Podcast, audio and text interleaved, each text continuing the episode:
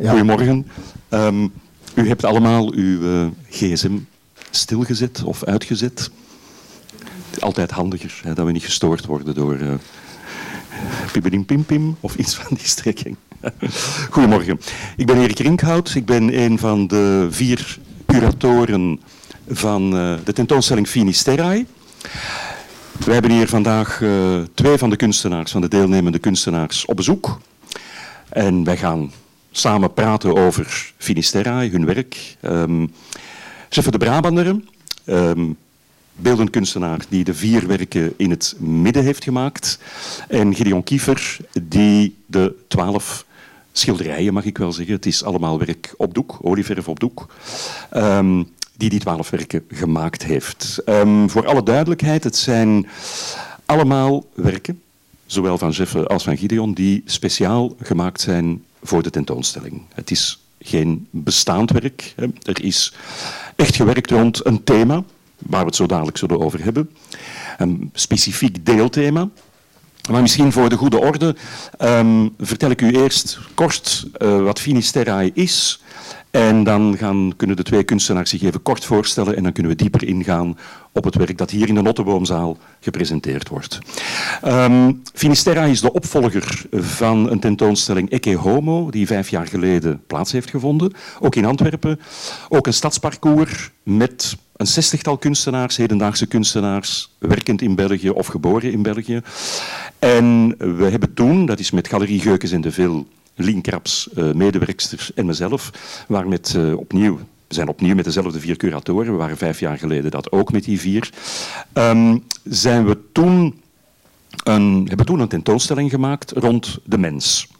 En het beeld dat de hedendaagse kunstenaar, bekend en onbekend, eh, grote namen en aanstormend talent, het beeld van de mens dat we terugvonden in, bij die hedendaagse kunstenaars. We hebben dat gepresenteerd, we hebben die tentoonstelling gepresenteerd, dus met name van Luc Tuymans tot Rinus van de Velde, Annemie van Kerkhoven zat daar ook bij.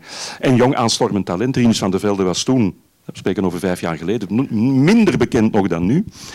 Um, Lara Gasparotto zat daar ook onder andere als jong aanstormend talent bij. We hadden toen een stadsparcours in een aantal musea van de stad en op een aantal verrassende, onbekende plekken. Dat is een gigantisch succes geworden. We, zijn, waren zelf verrast van het grote enthousiasme en de grote toeloop. Uh, we hebben toen 17.000 bezoekers gehad voor een tentoonstelling die niet eens alle dagen van de week open was. Um, en eigenlijk vrij snel na uh, Ecce Homo, zie de mens. Hè, het is een, een, Latijnse uitdrukking die, die uit de Bijbel komt eigenlijk. Het is een hele Bijbelse verhaal van Christus die getoond wordt aan het volk. Um, vrij snel daarna dachten we, zouden we eens uh, geen tentoonstelling maken over de staat van de planeet. Dat we van de mens naar de aarde gaan. Maar ik kan u verzekeren dat dat kleine curatorial team, zoals het dan heet, uh, nogal moe was. Uh, het vergt een enorme inspanning. We zijn met een heel klein team. En een tentoonstelling met meer dan 60 kunstenaars op meer dan 10 verschillende plekken in de stad vergt heel wat voorbereiding en vergt ook nogal wat um, logistiek. Hè. Zaken moeten verzekerd zijn, zaken moeten goed getransporteerd worden. Om nog maar te zwijgen van de teksten die gemaakt moeten worden, de website enzovoort. Maar dat neemt niet weg dat ons, dat, dat idee bleef ons uh, achterna jagen. Um, en we zijn ingehaald door de gebeurtenissen eigenlijk. Um, plotseling was er de corona, twee jaar geleden. Zodanig dat we natuurlijk niet konden zeggen, ja, na drie jaar gaan we die tentoonstelling doen. Het is uiteindelijk vijf jaar geworden. Het is exact vijf jaar later dat we Finisterrae doen. We hebben opnieuw gekozen voor een Latijnse titel, Finisterrae, het einde van de aarde. Um, we hebben opnieuw gekozen voor hedendaagse kunstenaars, uit alle, van alle gezinten, zullen we maar zeggen, jong en oud, man en vrouw, uh, van kleur, we hebben nogal wat jong, jong vrouwelijk talent ook in de Mechelse Steenweg, een appartement dat leeg staat. Dus we hebben opnieuw gekozen voor een samenwerking met Antwerpse musea. Er is werk te zien in het nabijgelegen Snijders Rokkokshuis, waar ook veel werk in situ gemaakt is. Uh, we werken samen met Plantijn Moretus. Het Boekmuseum bij uitstek, dus daar gaat het onder andere over informatie en over de manier waarop de informatie momenteel wordt uh, rondgestuurd, zullen we maar zeggen, in tegenstelling tot de boekdrukkunst die daar geëerd wordt in het Plantijn Moretus Museum. Maar het gaat daar ook over reizen en over utopie. Daar ligt bijvoorbeeld de eerste druk van de Utopia van Thomas More, die we hebben kunnen lenen uit de Koninklijke Bibliotheek van Brussel. En Philippe Aguirre bijvoorbeeld gaat aan de slag met de hedendaagse utopia. Wat betekent utopie nu voor onder andere de vele migranten die onderweg zijn van Afrika naar, eh, naar Europa? We werken ook samen met de Notteboomzaal, waarover zo dadelijk nog wat meer. En we zijn ook op een aantal plekken, we hebben ook, als we het over het einde van de aarde hebben, moeten we het uiteraard ook over tuinen hebben, al dan niet paradijselijk. Dus de kathedraaltuin is open, met een monumentaal werk. We hebben een kapel die nooit meer open is, de Sint-Nicolaaskapel, waar David Klaarbout een monumentale video toont. En we hebben een leegstaand appartement op de Mechelse Steenweg. Dus het is ook weer zeer divers en we proberen een beetje thematisch te werken op al die verschillende plaatsen. Finisterra, het einde van, van de aarde, hè, dat is weinig hoopvol, maar kunst kan ons dan toch weer soms wat troost bieden. Kunst kan ook esthetisch zijn en kunst kan ons aan het, uh, aan het denken zetten. Dat is eigenlijk een beetje, een beetje onze bedoeling. En ik denk dat ik hier twee kunstenaars vandaag heb in deze prachtige Notteboomzaal, eh, die aan de slag zijn gegaan met de plek en met, zullen we maar zeggen, wat deze plek inhoudt en kan betekenen. Ook weer veel boeken natuurlijk en een hele geschiedenis met Durer die om de hoek heeft gewoond, een jaar lang, toen hij de Nederlanden bezocht en eigenlijk een vaste stek in Antwerpen had. Durer gaat uh, straks in ons gesprek zeker opduiken, want hij is van belang voor de werken die jullie gemaakt hebben. Maar misschien is het interessant dat jullie uh, zelf even kort voorstellen en dat we dan uh, volop ingaan op de, verschillende, op de verschillende werken die hier te zien zijn, wat jullie gemaakt hebben. Okay. Gideon Kiefer. goedemorgen, ik ben Gideon Kiefer. Um, ik heb de twaalf schilderijtjes gemaakt die hier uh, tentoongesteld worden. Um, ik ben kunstenaar sinds 2008 bij Geukens en de Vil. Um, ja, ik, ben, ja, ik weet niet wat ik, wat, wat, ik, wat ik moet zeggen over mezelf. Toch even kort, Gideon. Uh, je zei, ik ben kunstenaar sinds 2008. Ja. Sinds 2008. Jij bent toch al wat ouder, als ik dat zo mag zeggen. Hoe komt dat? Kun je, kun je daar kort iets over zeggen? Want er is een belangrijke omslag toch gebeurd, waar we heel even iets moeten over zeggen, want het heeft ook met jouw werk hier te maken. Ja, um, ik ben sinds 2008 professioneel kunstenaar. Daarvoor was ik illustrator, dus geen, geen kunstenaar. Um, ik werkte onder andere voor De Morgen, de krant waar jij ook voor werkte vroeger. Um, en ik ben toen uh, ziek geweest, waardoor ik een... Uh, Excuseer, ik heb, ik heb een beetje last van mijn keel vandaag. Dus, uh, ik ben ziek geweest. Uh, ik heb een levensbedreigende aandoening gehad in mijn hals. Uh, waardoor ik. Ehm, excuseer. Ehm, waardoor ik dicht tegen de dood aangescheurd ben. En ik heb toen. ik ga een beetje water pakken. Excuseer. Ik, ik wou je net water geven. ja, mijn dochter die is ziek.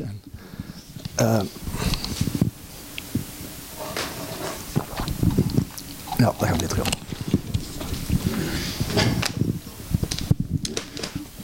Excuseer. Um, ik ben even de draad kwijt.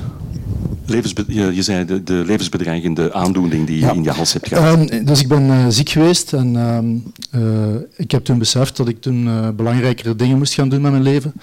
En dan ben ik kunstenaar geworden. En ik ben dan ben gestopt als illustrator. En ik heb redelijk snel bij Galerij Geukens en de Veld terechtgekomen. En sindsdien ben ik, ik ja, werk ik uitsluitend toch als kunstenaar. Ja. Misschien heel kort, en dan gaan we over naar Zeffen, heel kort. Mhm. het, heeft iets, het heeft ook zijn belang, want je werk, als mensen straks uh, specifiek gedetailleerd naar je werken gaan kijken, dan zullen ze zien dat er eigenlijk twee dateringen op staan. Niet onbelangrijk. Die dateringen heb, die hebben daar verband mee. Dus ik, ik dateer mijn werken gewoon op de, de datum waarop ze gemaakt zijn. Uh, en dan staat daaronder staat er een rood... Um, een, een, persoonlijke tijdsrekening. Uh, dat is een tijdsrekening uitgedrukt in dagen. Um, dus uh, ik denk dat ik nu ergens in de 5400 dagen zit. Um, en dat is, die telt eigenlijk terug naar de dag dat ik uh, met spoed ben geopereerd geweest. Dus, uh, ja. er staat dus het aantal dagen met AD, en dat is niet anno domini, nee. hè, dat is ja, AD ik, is ik, aantal dagen of... Hè? Ik zeg uh, after that, maar het kan ook aantal dagen zijn. Ja. Ja, ja. ja. Dus dat is die dubbele, die dubbele tijdrekening die u op alle werken, op elk individueel werk van Gideon Kiefer ja, zult zien. Hè? En dat is voor mij wel altijd, iedere dag, als ik, ik hou dat ook iedere dag mooi bij in mijn agenda, die dagen, want anders raak ik daar de, de, de draad in kwijt. Um, Maar dat is voor mij wel eh, een moment, iedere ochtend in mijn agenda noteer ik even mijn persoonlijke datum. En even sta ik dan stil bij, eh, ja, bij dat momentje. En dat blijft mij telkens wakker houden, uh, zodat ik toch de extra tijd waar ik in leef, dat, zo voelt dat voor mij, dat ik die continu apprecieer. En ja, dat is een belangrijk momentje iedere ochtend voor mij, zo'n klein meditatief momentje. Nog een korte vraag. Jouw werk is vanaf het moment dat je als kunstenaar bent begonnen, altijd maatschappijkritisch geweest. Ja, ja ik probeer altijd, uh, zeker omdat ik een, uh, uh, via de galerie al veel kansen en momenten heb gehad waar ik mijn werk kan tonen. En ik vind het dan als kunstenaar vind ik het belangrijk dat als je een forum krijgt aangeboden, dat je dus niet alleen ja, dat je ook nog iets meer vertelt dan bijvoorbeeld je eigen persoonlijke leefwereld. Want mijn werk gaat niet enkel over mijn eigen herinneringen, want dat zit er eigenlijk vooral ook in. Um, maar daar zit ook een maatschappijkritische boodschap in, omdat ik dat vind dat je als kunstenaar dat moet doen. Je moet niet zomaar een vrijblijvend werk maken. Dus um, ja. Jeffe is um, een andere generatie, ja, zal ik toch maar zeggen. een pak, een pak jonger, Jeffe. Nog niet zo lang afgestudeerd van de, de academie, maar um, ga je gang. Ah, dat is beter. In 2020 afgestudeerd van de academie hier in Antwerpen. Um, zo, oké. Oh, uh, ja, klopt. Uh, mijn, mijn bachelor gedaan op Sint-Lucas hier in Antwerpen mijn bachelor gedaan op Sint-Lucas hier in Antwerpen. En dan voor mijn master verhuisd naar uh, de academie. Uh, dus in, 22, uh, in 2020 afgestudeerd daar. Ik ben 24 jaar, ik werk vooral, maak ik sculpturen, dus als beeldhouwer bezig, maar ik teken ook. Dus hier in de Notteboomzaal zijn sculpturen te zien, maar ik ben ook bezig met tekeningen. Ja.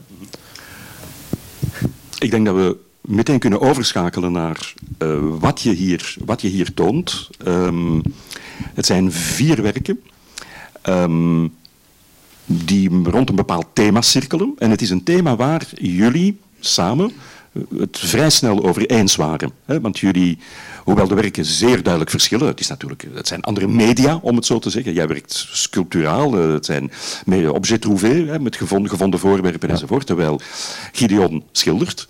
Maar jullie waren het vrij snel over een thema toen, of nadat jullie gevraagd is wat jullie voor Finisterre zouden kunnen doen op deze plek. Hè? Want deze plek is eigenlijk, zo gaat het nu eenmaal, die puzzel, eh, wij als curatoren proberen een puzzel samen te stellen en denken van, dat is een mooie plek, we hebben een aantal kunstenaars, zouden die daar niet iets kunnen doen? En dan begint dat spel van vragen en onderhandelen en kan dat enzovoort, maar jullie waren vrij snel tevreden met deze plek. En jullie waren ook vrij snel het eens over een bepaald thema. Ja, klopt inderdaad. Ik, was, ik kende de Notteboomzaal eigenlijk eerlijk gezegd nog niet toen ik gevraagd werd om hier iets te doen. Uh, dus ik was in de galerie. Ik zit trouwens ook bij Geukens en de Vil. Uh, en uh, Jasmine en Marie-Paul lieten mij, vroegen mij van, zou het zien zitten in de Notteboomzaal te tonen? En ik zei, ja, ik ken die niet. Zo, hier een foto. En ik zag die foto en ik was meteen, ja, oké, ja, dat is, dat is echt prachtig, dat wil ik meteen doen. En we zijn dan ook vrij snel die komen bezoeken, met z'n vieren denk ik dat we toen waren. Uh, en toen werd het meteen duidelijk dat wij hier inderdaad aan de slag gingen gaan en dat wij rond die apocalyps ook gingen werken. Um, ik weet voor mezelf, ik werk uh, graag en wel vaker rond oude verhalen, zoals die van de apocalyps er ook een is. Dat komt voor het eerst aan bod in de openbaring van Johannes in het Nieuwe Testament. En ik werk graag met die oude verhalen. er zijn twee thema's die uh, vaak aan bod kwamen in werk, of eigenlijk overkoepelende thema's, dat zijn dieren en geschiedenis. Ik zal daar zo meteen wat meer over vertellen, maar in die oude verhalen komen die twee vaak samen. Uh, en dat daar werk ik dan graag mee. En die apocalyps, toen ik, ja, Finisterre, ja, die, die ruiters van de apocalyps, die zaten al langer in mijn hoofd. Ik kende die al, ik wou daar al langer werk mee maken. Maar toen ik dan gevraagd werd voor Finisterre, ja, stonden die in mijn hoofd echt te trappelen om verwerkt te worden in, uh, in mijn sculptuur. Ja, dus paarden en geschiedenis natuurlijk. Paarden en geschiedenis, ja. ja. Um, de apocalyps, um, ik denk dat Gideon dan ook met iets tevoorschijn is gekomen. Uh, ja, dus even op de vorige vraag te antwoorden. Uh, mijn werk gaat eigenlijk altijd al over die apocalyps. Dus um, voor mij was eigenlijk gewoon toen de galerie Finisterrae als thema koos, dat was voor mij, ja, dat paste volledig in, mijn, in, in hetgeen waar ik al, altijd rondwerkte. Ehm, en toen de Notteboomzaal aangeboden werd, dacht ik wel eerst even van, uh, waar kan ik hier werk hangen? En gelukkig uh, zijn zij hier van de Notteboomzaal zo behulpzaam geweest om die, uh, die boeken hier te verwijderen. Wat ook geen sinecure is, want die boeken die moeten hier allemaal met zorg en liefde behandeld worden. Um, dus uh, ja. ja. Dus jouw, jouw werken staan op plaatsen waar normaal, normaal gezien boeken normaal staan. Gezien boeken staan ja. en dus die mooi in vitrinekasten nu staan, ja. op, de plek, op de plek van boeken. Ja. Je zei zelf, um, de, de apocalyps zit al langer in mijn werk. Uh, jij was een van de deelnemers ook aan Ecce Homo. Ecce Homo of Ecce Homo. Um, jouw werk was toen te zien in het Maagdenhuis, uh, mm-hmm. ook een niet zo bekende plek. Maar ingaand op jouw werk, um, dat ging toen ook al eigenlijk over klimaatverandering. De ja. opwarming van het klimaat. De, werk, ben, de reeks die je daar toonde. Ik ben daar eigenlijk altijd al mee bezig geweest. Ook voor, voor uh, Ecce of Ecce Homo uh, zat het er al. Vanaf dag één ben ik daar eigenlijk mee bezig geweest, omdat dat een thema is dat mij altijd al heel erg uh, beangstigt en aangrijpt. En waar ik dan ook wel uh, niet op een militante manier, maar op een, op een uh, op, laten we zeggen, esthetische en poëtische manier uh, de boodschap naar buiten wil dragen, wat ik daarvan vind. namelijk dat we too little too late zijn of zo. Dat is mijn gevoel daar rond. Um, maar de duur, die jij wou net ook iets vragen over de duur, waar ik nog niet op ik wou, ik, wou, ik wou naar de duurder toe gaan, omdat we de, de naam apocalyps is gevallen, het woord apocalyps, de ruiters van de apocalyps. Ja. En we hebben natuurlijk die wereldberoemde uh, houtsnede ja. van Durer, die die vier ruiters uitbeeldt. Ja, uh, de, de gravure die er ligt is, geen, is niet de uitbeelding van de, van de vier ruiters. Um, die hebben we in het kleine boekje aan de andere kant. Hè? Ja. Niet van Durer. Niet van Durer, ja. Niet van Durer. We hebben een gravure, een houtsnede van Durer, ja. die wel over de apocalyps gaat. Ja, en dan dus... hebben we dat kleine boekje dat uh, in de collectie van de Notteboom zat. En dat open ligt op uh, de vier ruiters van de apocalypse. De... Maar jij hebt Durer meegebracht naar hier. Ja, ik heb Durer meegebracht. Mijn, mijn uh, twaalf werken die hier hangen, die zijn gebaseerd op een reeks houtgravures van Durer. Um, en een van die gravures die ligt hier in, uh, in die glazen, uh, onder die glazen kast. Um, die heb ik uh, kunnen uitlenen van een verzamelaar. Uh, die is origineel van 1489, dus dat is echt een van Durer. Uh, ik denk niet zelf gemaakt, maar ik bedoel, is wel van zijn tijd. Um, en de reden waarom ik die Apocalypse reeks heb genomen is omdat ik, ik ben eigenlijk van opleiding graficus. Ik heb vrij grafiek gestudeerd in de Academie van Antwerpen. Um, en dat is hier om de hoek. En ik kwam hier vaak over dit plein gewandeld. Uh, en ik wist ook dat Duur, die woont hier aan de uitgang van het plein. Er staat hier nog een huis op de hoek. Daar, daar, heeft hij een jaar gewoond, in 1520, als ik me niet vergis. Um, en ik vond dat dan, uh, omdat ik als graficus het werk van Durer heb leren kennen, uh, als gra grafieker komt je rapper in contact met andere grafici. Uh, en Durer is toch wel een van de grote, grote jongens uit de kunstgeschiedenis daarin. En, ehm, ik vond het dan logisch gevolg, omdat het ook nog eens de apocalyps was. Het viel allemaal samen ineens om dan zijn werk vlak, vlak bij de woning waar hij ooit gewo gewoond heeft, om dat hier te tonen. Dus je hebt die apocalyps als, als inspiratiebron gebruikt. Um, wat in jouw recent werk, dat hier dus te zien is, opnieuw vaak voorkomt, een beetje de link die ik wil leggen met Ecce Homo, is bijvoorbeeld de witte lakens die terug opduiken. Niet altijd, maar het is een, een, motief dat in je werk komt en dat toen in Ecce echt helemaal uitgewerkt is geweest. Omdat je toen zei, er waren een aantal redenen om die witte lakens te gebruiken. Een van de redenen was dat men gletsjers afdekt met witte lakens om de uh, het smelten tegen te gaan. Ja, dat was toen de, de, de, de werken die ik toen in, uh, in, de vorige tentoonstelling getoond heb, dat was een kruisweg. En in die kruisweg komen veel drapages van, van de lendendoek van Christus of van de, de lakens waarmee uh, van het kruis gehaald werd. en ik heb die link gelegd naar uh, fotografische beelden die ik gevonden heb over een gletsjer in de Alpen die afgedekt wordt tegen het afsmelten.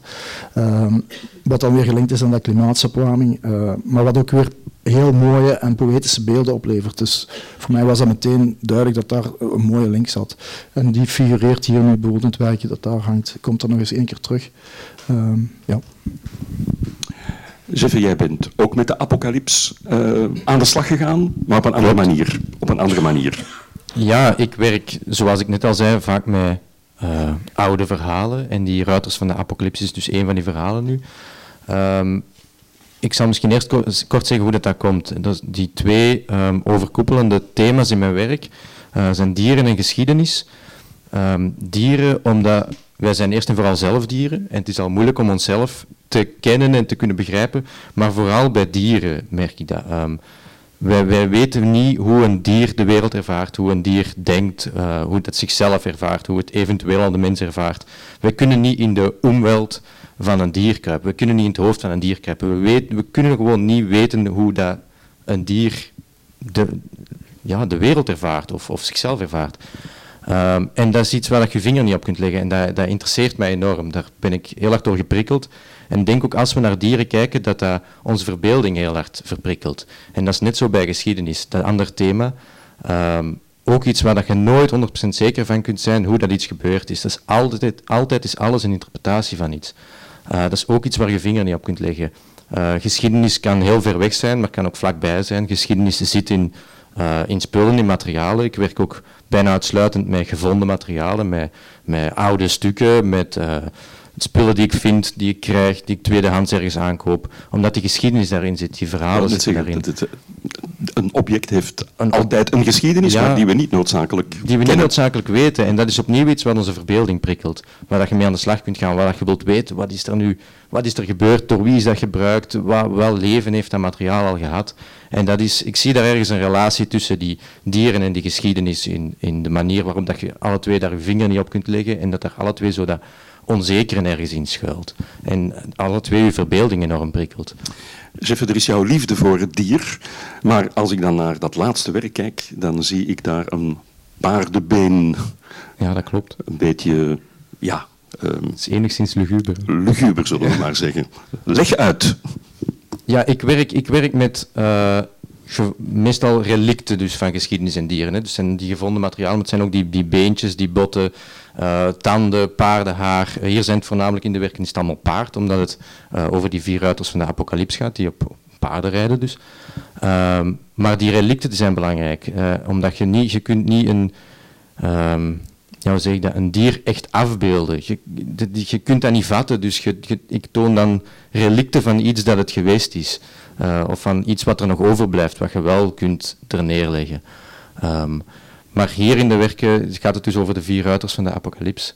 En uh, die hebben alle vier hun eigen. En ik zal misschien een moment ja, nemen om. Uh, ja, we kunnen er eventjes naartoe wandelen. Ja. Ik weet niet of dat deze draad. Oh. Precies wel. Ik denk wel dat we dat, we dat kunnen doen. Anders neem nee, jij mij. Anders neem ik deze. Ja. Het zijn dus de vier ruiters van de apocalyps. En die hebben alle vier hun eigen kenmerken. Dus het, uh, het komt uit de openbaring van Johannes. En daar staat dat er een groot boek ligt op de troon van God. Uh, dat met zeven zegels vastzit. En eens dat het lam Gods de eerste vier zegels verbreekt, uh, komen daar de vier ruiters uit. En die kondigen eigenlijk de, het einde van de goddelijke wereld aan en daarbij dus ook de dag des oordeels. En die vier ruiters die hebben hun eigen kenmerken. Um, en dit, deze vier werken zijn dus een, een, interpretatie van die vier ruiters. Zo is dit de eerste ruiter, dat is de witte ruiter, die staat voor um, de Christus en werd later ook gezien als de antichrist, uh, die de wereld wil veroveren. Um, dus hier heb ik een aantal witte fragmenten in gewerkt, dat is ook de, de enige die naar boven wijst bijvoorbeeld. Uh, maar daar zal ik zo meteen nog even op terugkomen. De hemel, hè? Dat heet de hemel, ja dat klopt. Maar ik zal eerst de vier ruiters doen, ja sorry, uh, en dan wandel ik terug. Uh, dit is de rode ruiter. Die staat voor bloedvergieten, oorlog, um, massaslachting, van alles en nog wat. Oh, we krijgen... Ik word aangemoedigd. Het zijn de ruiters, ja, ze komen eraan. Helaas, het is zeer nabij. Ze is nabij, ze is nabij. Maar u zit hier goed hoor. Ja. Als de deuren dicht gaan, ja, ja. Uh, hier de zwarte ruiter, uh, die komt, brengt de hongersnood. Uh, ik heb daar ook in twee, die heeft als symbool, of dat is dus, ja, dus de zwarte, maar die heeft ook als een, een weegschaal bij. Ik heb ook die vorm van die weegschaal in proberen um, verwerken. Hongersnood ook verwerkt met jute zakken, waar die van bij mijn grootouders komen die een boerderij hadden. Die juttezakken zijn gebruikt om van alles in te vervoeren. daar heeft misschien graan in gezeten, god weet, of hooi of wie weet wat. Ehm, dus dat is dit werk. En hier komt de vaalgele ruiter, de vierde ruiter, en dat is eigenlijk de ruiter die de dood aankondigt. Ehm, hier heb ik twee terracotta, terracotta, vormen in verwerkt, die ook verwijzen naar de twee globes die hier in de zaal staan. Uh, prachtige globes trouwens, je moet die cv's maar eens goed bestuderen, die zijn zeer oud. Uh, en dat is wel een verwijzing naar, naar die twee wereldbollen. Uh, terracotta trouwens iets, heel kort, dat ik heb verwerkt in de vier werken. betekent letterlijk gebakken aarde en is een symbolische verwijzing naar de opwarming van de aarde. Um, ik ga eventjes meteen een vraag stellen, want het is een beetje anekdotisch, maar niet onbelangrijk. Het feit dat we met hedendaagse kunst, en zeker met jouw vorm van hedendaagse kunst, in een oud museum zitten, laten we dit maar een museum noemen. Het is een boekenopslagplaats, om het een beetje oneerbiedig te zeggen. Daar moeten we natuurlijk zeer goed mee opletten. Je mag hier niet zomaar binnenbrengen wat je wil. U begrijpt dat als daar één kevertje nog ergens in zit, dat dit een ramp voor deze bibliotheek is. Absoluut. Dus um, dit is allemaal binnengebracht, maar ja, daar is van alles aan verwacht gegaan. Uh, dat mocht hier uiteraard niet zomaar binnen, alle begrip daarvoor. Ik zou niet willen dat er ook maar ergens nog uh, een beestje in die botten zit of in zo'n jute zak, uh, of dat er ergens schimmels of, of ik weet niet waar in zitten. dat zou natuurlijk heel deze bibliotheek in gevaar brengen. Dus ze hadden mij wel gevraagd om die te behandelen, inderdaad. En um, eerst werd er gezegd dat ik die best kon invriezen. Uh, maar bleek dan uiteraard dat de stad geen vriezer had, zo groot dat al mijn spullen in konden. Dus uh, ben ik in contact gekomen met een bedrijf uit uh, Rotterdam, die zeecontainers en dat soort dingen behandelen voordat ze het land in mogen. en die hadden gelukkig ook een, een, vestiging in Antwerpen. En daar ben ik dan uiteindelijk bij terechtgekomen. Die gaven mij drie opties. de eerste optie was dat ik mijn werk in een oven moest steken op 160 graden. Nu, daar was ik geen fan van. Ik dacht, dat krijg ik op die manier niet terug. Uh, een tweede optie was het te uh, verstikken. Dus dan uh, steken ze al het materiaal in een luchtdichte kamer. Ze warmen die op tot 30 graden, zodat al het leven dat er mogelijk nog in zit opleeft. dan halen ze alle zuurstof uit de ruimte en zo behandelen ze het. En een derde optie was het om het te vergassen. Uh, uiteindelijk ben ik voor die derde optie moeten gaan, omdat ik wou eerst die tweede optie doen, dat verstikken, maar die bleek veel te duur. Uh, en dat vergassen was eigenlijk de manier waarop ze dat uh, altijd doen met museale objecten. Dus ik heb mijn, mijn werk binnengebracht in, in de haven van Antwerpen in een zeer grote loods. En daar is het inderdaad voor een weekend de gaskamer ingegaan voordat hij hier binnen kon. Ja, ja dat is, we worden altijd geconfronteerd met dat soort problemen. Om, we hadden bijvoorbeeld vijf jaar geleden het werk van, eh, van Sophie Muller in uh, het Maar van den Berg Museum. Zij had twee albasten koppen en zij wilde die presenteren op een houten kist. Uh, paniek in het museum, want die houten kist, ja, daar zou natuurlijk wel eens houtworm kunnen in zitten. En ook dat is voor een museum dat zoveel houten beelden heeft een ramp. Uiteindelijk is het een lode doos geworden. Lood mocht er wel binnen, zo'n lode oude uh, valies eigenlijk, een koffer. Dus uh, we zitten altijd, enfin, daar moeten we heel goed mee opletten. En dat is zo een van die praktische, heel puur praktische zaken waar je rekening moet mee houden natuurlijk. Je kunt hier niet zomaar binnenbrengen. En met veel plezier. Je, ik, zou het, ik zou het mezelf nooit vergeven, moest ik hier ook maar iets teweeg brengen in die prachtige bibliotheek. Maar goed, opnieuw, uh, opnieuw naar, het werk misschien. naar het werk zelf en het eh, inhoudelijke. ja. Dus ik zei dan net al, dat zijn die vier ruiters van de apocalyps die hun eigen uh, kenmerken hebben. Vooral die kleuren, maar die staan ook allemaal voor iets anders. Dit is die vierde ruiter die de dood echt brengt. Maar ik heb die ook verbonden met nog iets anders. Ik was bezig met het werk te maken. ik wist dat ik rond die apocalyps ging werken. Um, en ik liep, en dat is eigenlijk heel toevallig, ik liep in Antwerpen rond op de Nationale Straat. Uh, en ik kwam daar aan een winkeltje uh, waar dat een pijl op stond van uh, alles aan 50%. Hier beneden in de kelder is een antiquariaat. en ik, ik werk graag en vaak met oude boekjes in mijn werk. dus ik dacht, oké, een antiquariaatje, ik ga naar binnen en ik ga naar die kelder waar het antiquariaat was. Nu, daar was helemaal niks. Daar stond één schoendoos weliswaar. Uh, met, met vijf boekjes in, dat was het antiquariaat. Uh, maar ik heb daar wel een prachtig boekje gevonden. Uh, een boekje van uit 1757 ongeveer. de vier uitersten van de mens. Ik kende dat niet. Ik weet niet of iemand dat hier misschien wel kent, maar het schijnt wel een, een, zeer bekende tekst te zijn. ik ben daar ook het een en het ander over beginnen opzoeken en ik heb mij erover laten vertellen. En het schijnt een, een middeleeuwse tekst te zijn, rond, rond 1300, een, een zeer veel gelezen, een bestseller eigenlijk. Uh, ook veel gebruikt geweest door de moderne devotie, waar ik nu minder over weet. Maar, uh, en die vertelt eigenlijk de vier uitersten van de mens. Um, die, die zet aan tot het nadenken over uh, het einde, over de dood en over die vier uitersten. En die vier uitersten die zijn de dood als eerste. Dat heb ik verwerkt hier in de ruiter van de dood. Dus in de vierde ruiter komt het eerste hoofdstuk uit het boekje. De, het eerste uiterste, de, de dood. En hier in het tweede hoofdstuk uit het boekje, dus het tweede uiterste, is het algemeen oordeel. Dat heb ik in dit werk, in die derde ruiter, in die zwarte ruiter verwerkt. De ruiter die de hongersnood brengt, die ook een, uh, een weegschaal met zich meedraagt. Ja, die is, uit, die, die is dat oordeel. Uh, dat komt daarin terug, dat is perfect. Uh, het oordeel, um, voilà. En dan hier in de tweede ruiter, dus in de rode ruiter, komt het derde hoofdstuk van het boekje. Het derde uiterste, en dat is de hel. Um, de hel die dan samenkomt met het massaslachten, uh, het, het, de gruweldaden, de, ja, de, de pijn, de, van alles. Uh, en dan hier, zoals Erik net al zei, uh, komt de vierde uiterste, de hemel. Dus je hebt de dood, het algemeen oordeel, de hel en de hemel. En de hemel heb ik dan verwerkt in die witte ruiter, in die Christusfiguur. en dus inderdaad ook het enige werk dat naar, naar boven wijst. Um, ja. En je hebt ook uh, telkens één pagina uit dat boekje waar het over had, verwerkt in elk werk. Hè? Dus ja, dat klopt. Één, dat zijn dus de, de titelblaadjes van, uit dat boekje, van die vier hoofdstukken, de titelblaadjes van die hoofdstukken die ik verwerkt heb in het werk. Dus die zijn, die zijn leesbaar in het werk. Dus je ziet hier uh, Van de Helle. Uh, trouwens, een, een heel mooi boekje. Het is, nu, voordat ik het kapot scheurde, nu, het was al... Het was al niet veel meer waard en het was al vrij kapot. Er was ingeschreven door een braken bladzijde.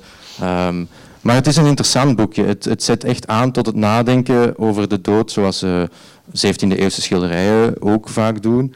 Um, maar het, het, um, ja, het is heel beschrijfelijk. Het, het, het, vertelt echt hoe de dood eraan toe gaat en hoe dat uw ziel, uw lichaam... Uh, uh, loslaat en hoe, wat er met uw ziel gebeurt en wat dat tegenkomt, wat er gebeurt bij het algemeen oordeel, dat het ook het oordeel niet alleen voor uzelf is, maar dat iedereen ziet wat dat je hebt misdaan of, of, of goed hebt gedaan, uh, dat het ook aankomt op, op, op, op uh, ja, een aantal haren of tanden, dat het echt ja, het komt er echt op aan van of dat je naar de hemel of de hel gaat, dat oordeel, dat, is, dat, is, er wordt heel erg beschreven hoe, hoe specifiek dat, dat is en wat je kunt doen om, om, om je daarop voor te bereiden. Eigenlijk is het hele boekje is een voorbereiding op, op, op de dood en wat daarna volgt. Ook de hel wordt in het boekje beschreven als hoe dat het een vuur is, maar dat het een niets verwoestend vuur is, dat het een onwaarschijnlijk heet vuur is, maar dat het van onwaarschijnlijke hitte naar onwaarschijnlijke koude gaat, wat de pijn nog harder maakt, hoe dat het vuur ruikt,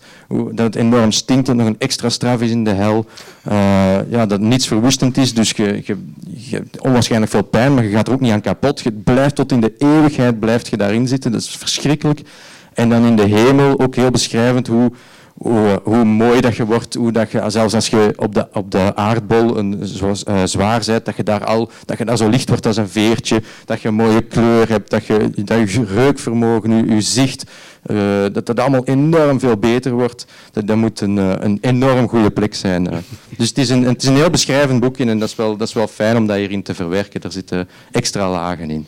Het is doelbewust, denk ik, dat je voor de hel daar een zwart geblakerd stuk hout, hebt gebruikt. Ja, dat klopt. Dat refereert naar, naar die hel. Naar die, het is ook de rode ruiter, die staat mm -hmm. ook voor vuur. Uh, dus ja, dat is inderdaad... Uh... Nog één vraag. Je werk is tegelijkertijd wat mm, angstaanjagend, uh, een beetje ongemakkelijk stemmend, met al die botten enzovoort. Maar in een vorig gesprek dat we hadden, heb je ook gezegd van esthetiek is toch heel belangrijk. Het woord is daar net ook gevallen bij Gideon. De esthetiek. Ja, dat je, zit toch, je werk zit toch een beetje op uh, de grens tussen die twee. Hè? Tussen het mm, wat angstaanjagende, het wat ongemakkelijk stemmende en die esthetica. Ja, voor mij is die esthetica superbelangrijk. Um, ook de manier waarop ik werk. Ik ben echt een verzamelaar. Ik, ik, uh, als ik aan een werk begin is het meestal gewoon echt allerlei spullen. Ik heb heel veel materiaal op mijn atelier liggen en ik begin en ik maak een puzzel. En op een gegeven moment zegt dat klik en weet ik van oké, nu is dat af. En dat moet visueel, dat moet goed zitten. Voor mij is dat het allerbelangrijkste. Die sculptuur die moet voor mij kloppen. Uh, en dat is ergens toch dat esthetische dat naar boven komt, dat ook wel heel belangrijk is voor mij, dat klopt wel. Ja. ja. Maar het is ook een beetje de esthetiek van de gruwel, niet? Misschien, dat kunt je er zeker in zien, ja. Al die, al die botjes die hier verzameld liggen bij de hel, het zijn ook allemaal botjes uit een paard? Of, uh... Bij deze sculptuur niet. Dus gaat het, uh, voor de rest zijn het allemaal paardenstukken. Daar zit een tand in verwerkt, hier zitten ook tanden in verwerkt en paardenharen. Dat is echt een paardenpoot. Hier is het van meerdere beesten. Omdat het over die massaslachting gaat, uh, mm is het niet noodzakelijk enkel een paard. Alleen dat, ja. Gideon, we hebben het al over esthetiek gehad. Jouw werk wil zeer esthetisch zijn, toch een duidelijke boodschap ook meegeven. Um, wat we hier in het werk dat je speciaal gemaakt hebt voor Finisterre vooral zien, is landschappen. Ja, um, al dan niet bestaande landschappen trouwens. Um, vroeger werkte ik vooral rond uh, de landschappen van mijn geboortedorp, Neerpelt. Daar ben ik, ik uh, mijn jeugd uh, doorgebracht. Maar ik woon, nu, ik woon nu in Oost-Vlaanderen, dus mijn dorp is iets wat ver weg is. En de herinneringen die vervagen ook. Um, dus de landschappen die je nu ziet zijn soms ook gewoon uh, samengesteld aan de hand van... Uh, ik heb zo miniatuurboompjes nagemaakt die lijken op de bomen van het bos waar ik in woonde. En ik begin zoals dat, uh, het geheugen ook werkt, dat is fragmentarisch, eh, probeer ik mijn herinneringen na te bouwen in mijn atelier thuis. Zodat ik niet meer naar Limburg moet rijden om, om fotomateriaal te verzamelen of zo. Uh, maar het is een mix nu van bestaande landschappen en fictieve landschappen, verzonnen landschappen. Want het geheugen werkt ook zo. Herinneringen zijn soms bijgekleurd of uh, totaal verzonnen herinneringen. Uh, dus ja, het is een combinatie van verschillende landschappen. Maar het is, het is een beetje een herinnering aan een, het paradijs, zullen we maar zeggen, van je jeugd ook? Uh. Ja, maar ik link dat, ook, uh, ook, ik link dat eigenlijk ook aan... dus ik gebruik de klimaatopwarming als een soort van apocalyps dat daarin zit verstopt. Maar ook mijn eigen, mijn eigen ondergang de jeugd die voorbij gaat, dat is ook het, het voorbijgaan van het leven mijn, mijn sterfelijkheid, die probeer ik daar ook altijd uh, da daardoor uh, te linken in die werken. Dus het is altijd een dubbele apocalyps. Het gaat ook heel egoïstisch over mezelf.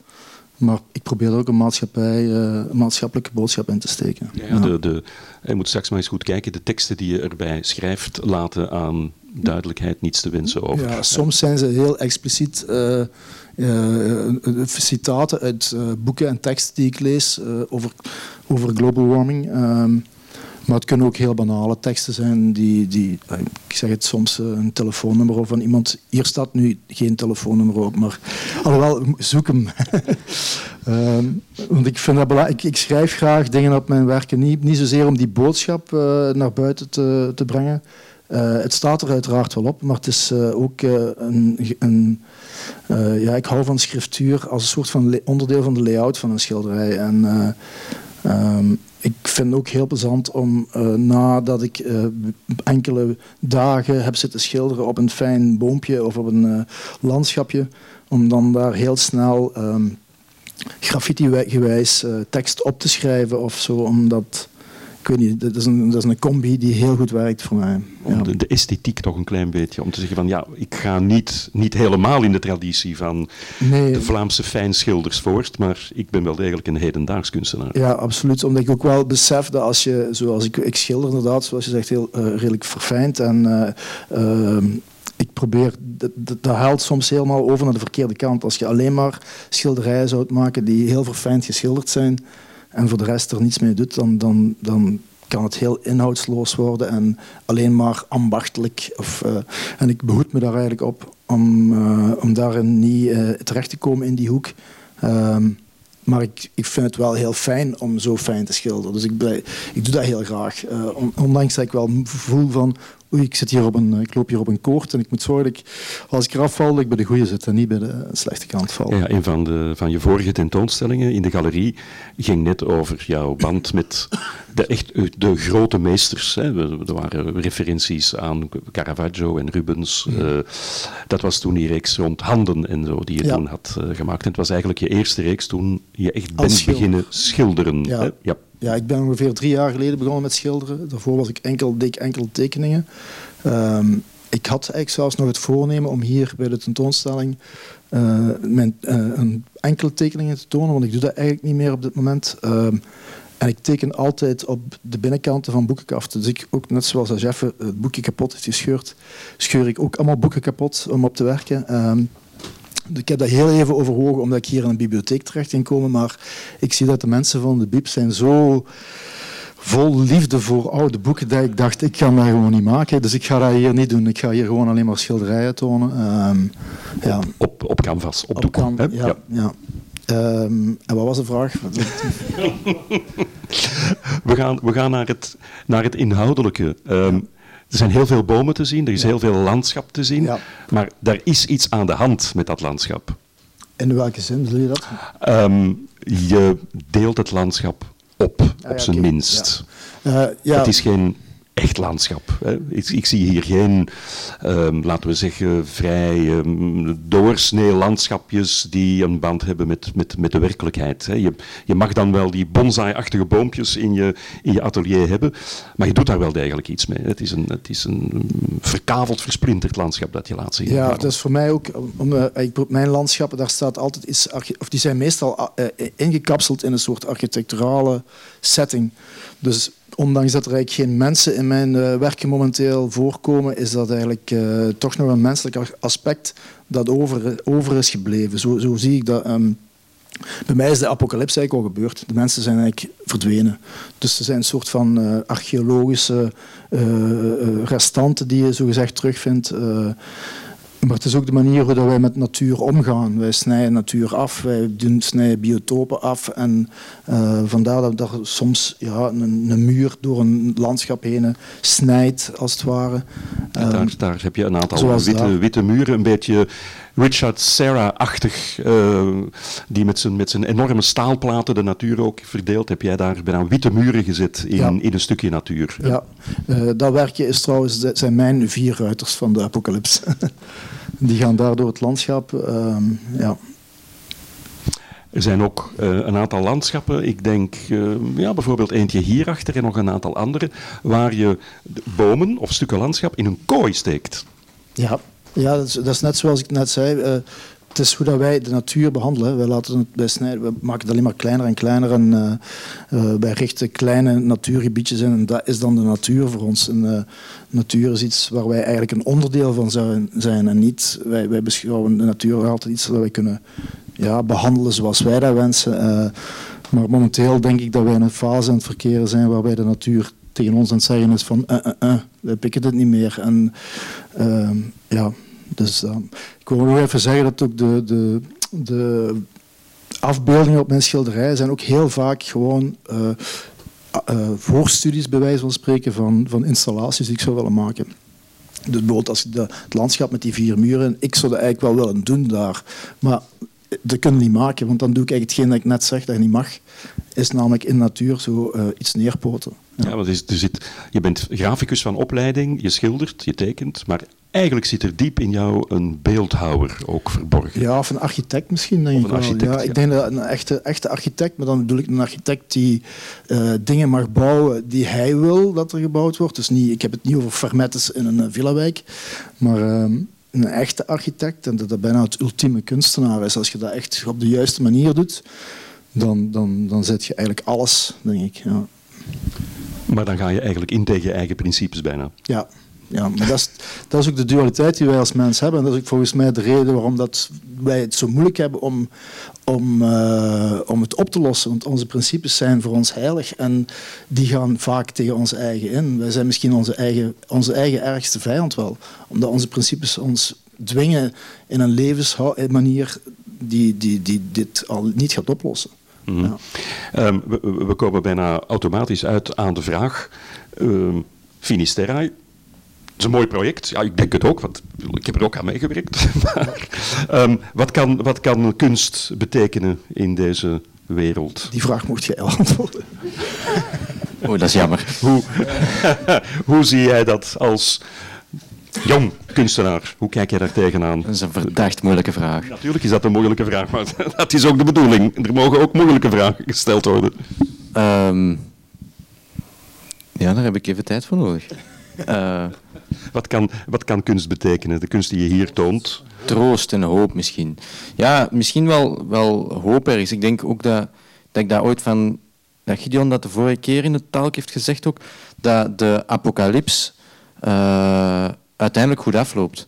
Uh, dus, dus er gebeuren een hele hoop gruwel, gruweldaden. Die vier ruiters komen het einde van de wereld. Uh, maar op, op, het einde uh, schept God een nieuwe wereld en een nieuwe hemel. Dus er is hoop. Er, er, allez. En ik denk wel dat ook, als ik voor u ook mag spreken, dat we uit die apocalyps toch uh, inspiratie hebben gehaald.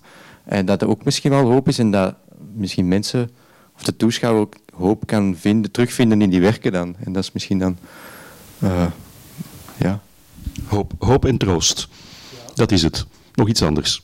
Ja, wij, maken, wij maken kunst omdat we, wij maken kunst ook om, om schoonheid aan de wereld te schenken. En de boodschap die erachter zit kan misschien niet zo positief zijn, maar mijn eerste opzet is nog altijd schoonheid creëren. En, en uh, ja, dat is, dat het enige wat ik ook kan doen, denk ik. Uh, kunt bieden. Dan, uh, maar ik denk niet dat mijn boodschap uh, de wereld gaat veranderen of invloed gaat hebben op wat dan ook. Het is niet ik vind het wel heel fijn dat uh, als we op zo'n gesprek als dit uh, daar even over kunnen babbelen, dan zijn er misschien een aantal mensen die wel met even een, ik weet niet, een boodschap naar huis gaan. Maar ik maak me geen illusies over de, de, de impact die, die wij als kunstenaar hebben. Dat is, uh, nee, is, schoonheid bieden is al heel veel, vind ik.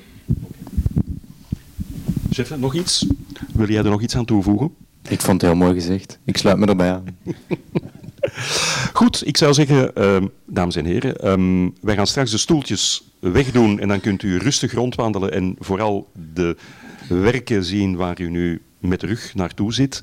Maar als u vragen hebt, ik zou zeggen, stel ze. De twee kunstenaars staan te uw beschikking. Zijn er vragen?